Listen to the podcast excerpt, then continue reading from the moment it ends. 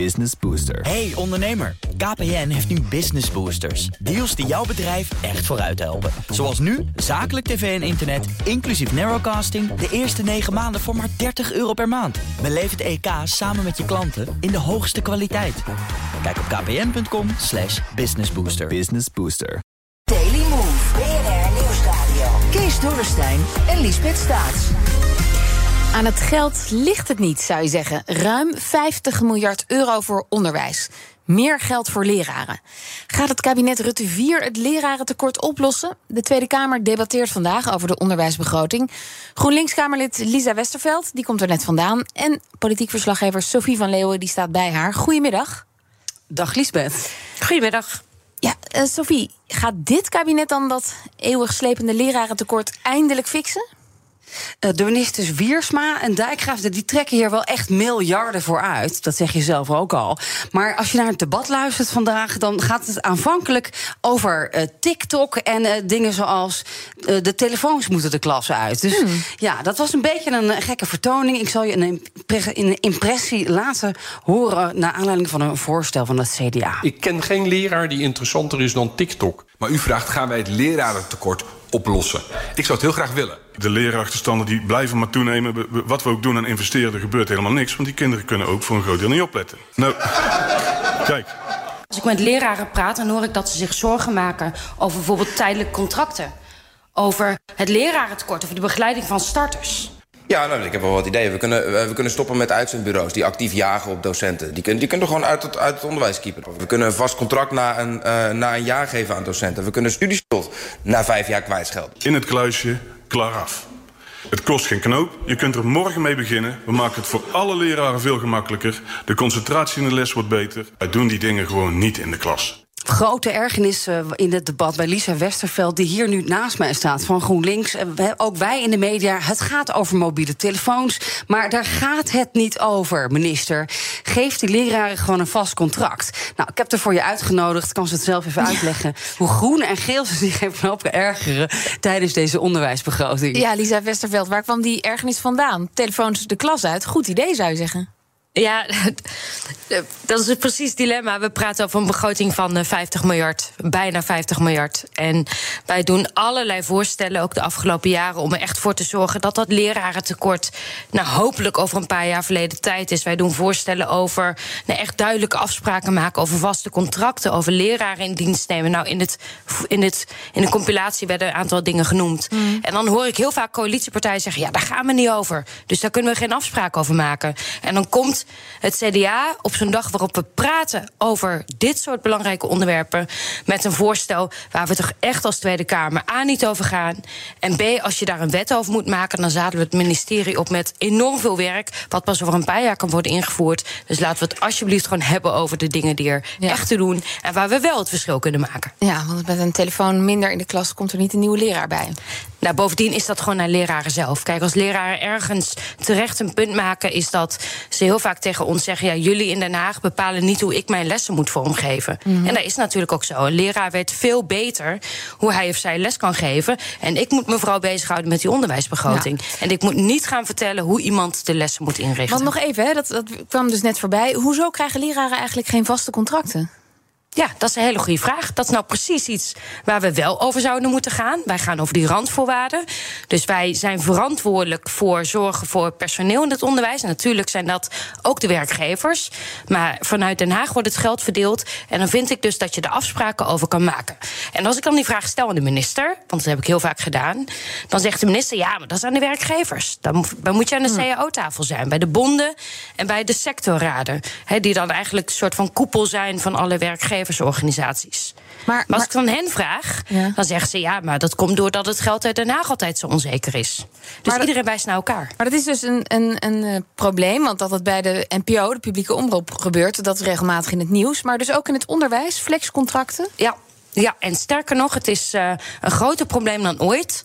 Terwijl dit wel een begroting is waarin eindelijk wordt geïnvesteerd. En ik ben de eerste die aan de bel trekt en die altijd heel kritisch is op de, af, nou, ook op de afgelopen kabinetten.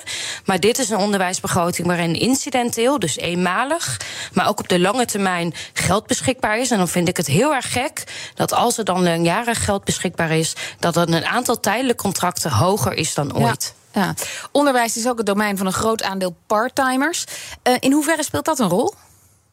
Ja, dat klopt. Want heel veel mensen die dus. Nou, als jij docent bent, je hebt drie keer achter elkaar een tijdelijk contract gehad. Maar je weet dat je als. Uh, nou, dat je als.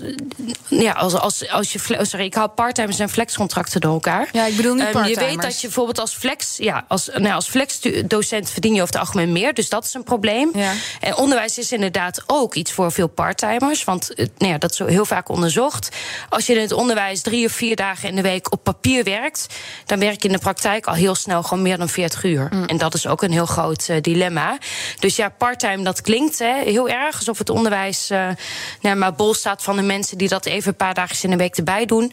Maar echt heel vaak is een ja, baan van drie of vier dagen uh, per week op papier is in de praktijk gewoon meer dan 40 uur werk. Freddy Wijma, voorzitter van de PO-raad. U bent ook bij ons. Welkom. Ja, goedemiddag. U behartigt de belangen van basisscholen. Ja, wat gaat hier eigenlijk mis? Oh, ik, heb een, uh, ik heb een probleem met, uh, met de verbinding. Ik, uh, ik denk dat ik even opnieuw moet inbellen. Nou, laten we dat doen. Dan probeert u dat. En dan ga ik even, stel ik nog een vraag aan Sophie. Sophie, is, is de stemming in Den Haag dat het kabinet veel meer de regie moet pakken? Uh, in ieder geval wel bij de oppositie. Um, dat die flexibilisering van de arbeidsmarkt in het onderwijs ook totaal is doorgeslagen. En ik ken zelf ook wel mensen, Lisbeth, die liever een paar uur invallen voor een grote zak geld. Dus gewoon lekker ZZP'en in het onderwijs. Mm.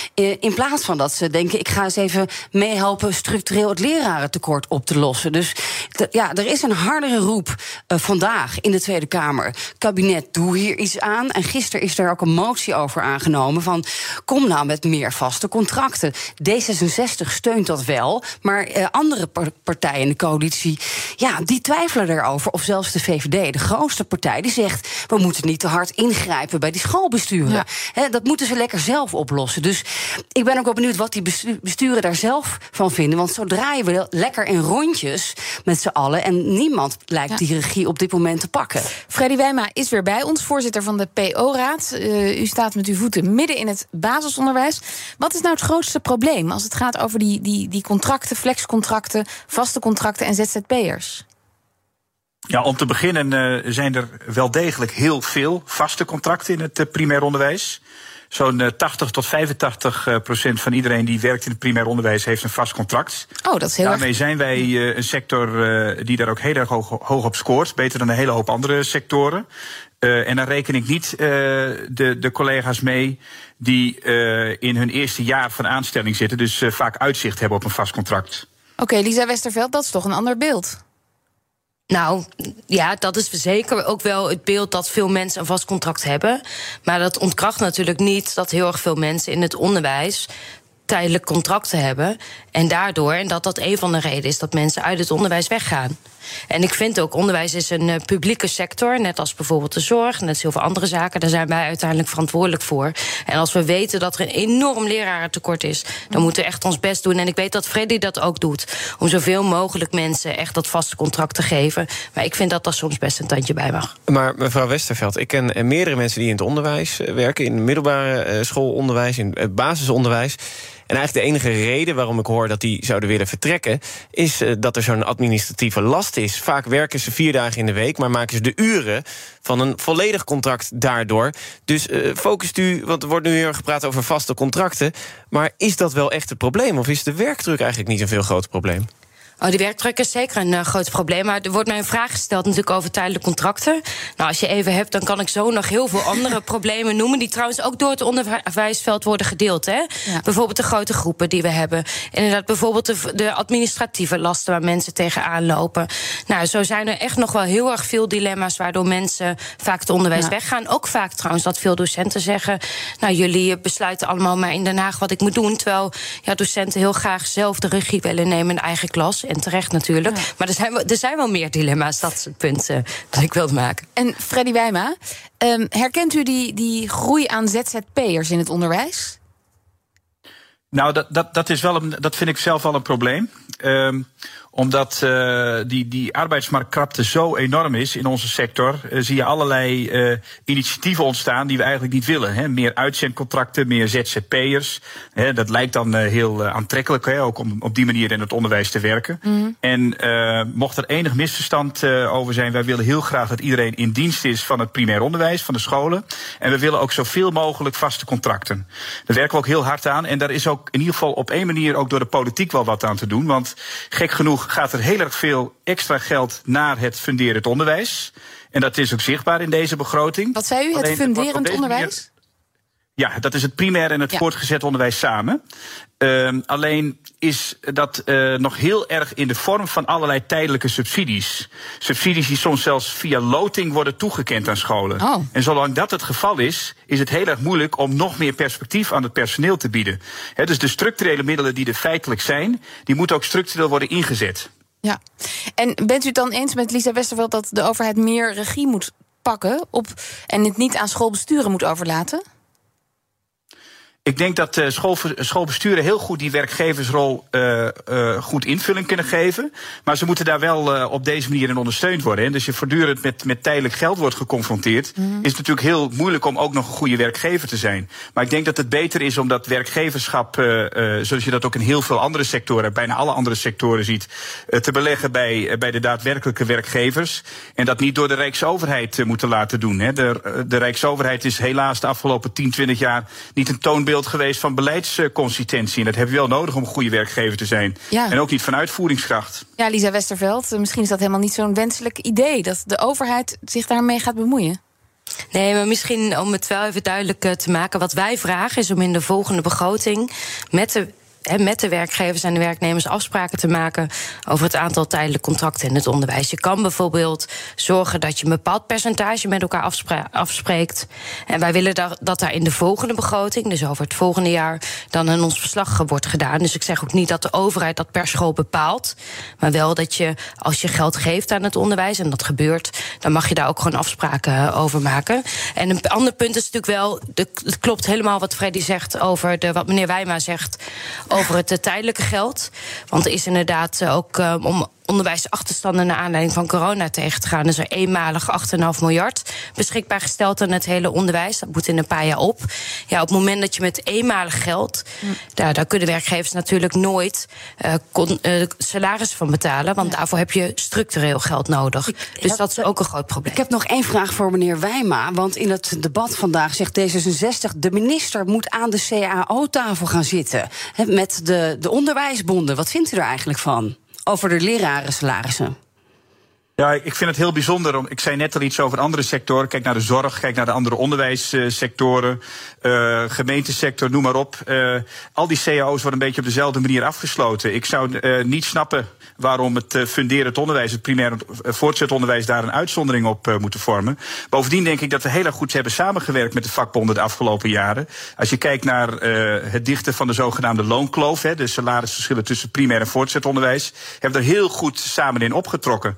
En dat laat ook zien dat die samenwerking uh, van die sociale partners, dat dat prima werkt. En dat je echt daar niet nog een keer de Rijksoverheid voor nodig hebt aan de, aan de, aan de onderhandelingstafel. Ja. Sophie, ik hoor nog behoorlijk veel hobbels en uh, discussiepunten. Gaat dit kabinet dan eindelijk het lerarentekort oplossen? Wat is jouw inschatting?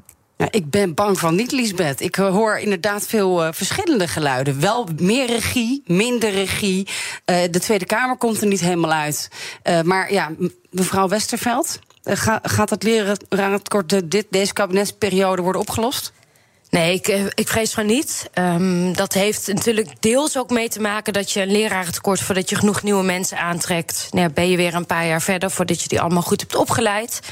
Um, ik hoop wel dat we een begin kunnen maken, maar het begint natuurlijk wel bij de vraag: hoe sturen wij? Hoe zorg je er met elkaar voor dat het onderwijs weer echt een aantrekkelijke sector wordt? En ik vond het ook wel weer mooi om te zien dat een deel van het debat toch echt daarover ging. Dus niet alleen maar over TikTok en mobieltjes en allemaal andere dingen. Maar we hebben ook wel echt met elkaar gewoon dat gesprek gevoerd. En daar zijn natuurlijk ook die Kamerdebatten voor. Moet je gewoon daar solliciteren? Ja, dus dat sowieso. Dat sowieso natuurlijk. Dat ik zou als onderwijswoordvoerder ook uh, nou, geen knip voor mijn neus waard zijn als ik dat niet zou zeggen. Maar het is natuurlijk ook een mooie sector. En wij moeten er met elkaar, en die, die verantwoordelijkheid voel ik ook wel echt. Wij moeten er gewoon met elkaar voor zorgen dat, we, dat het onderwijs ook een fijne plek is voor mensen. Om in te werken. En om ook langer dan een paar jaar in te blijven werken. Want we hebben gewoon die leraren en al dat andere personeel hebben we gewoon allemaal keihard nodig. Dank jullie wel. GroenLinks-Kamerlid Lisa Westerveld, Freddy Wijma van de PO-raad en onze eigen Sophie van Leeuwen. Business Booster. Hey ondernemer, KPN heeft nu Business Boosters. Deals die jouw bedrijf echt vooruit helpen. Zoals nu, zakelijk tv en internet, inclusief narrowcasting... de eerste 9 maanden voor maar 30 euro per maand. Beleef het EK samen met je klanten in de hoogste kwaliteit. Kijk op KPN kpn.com slash businessbooster. Business Booster.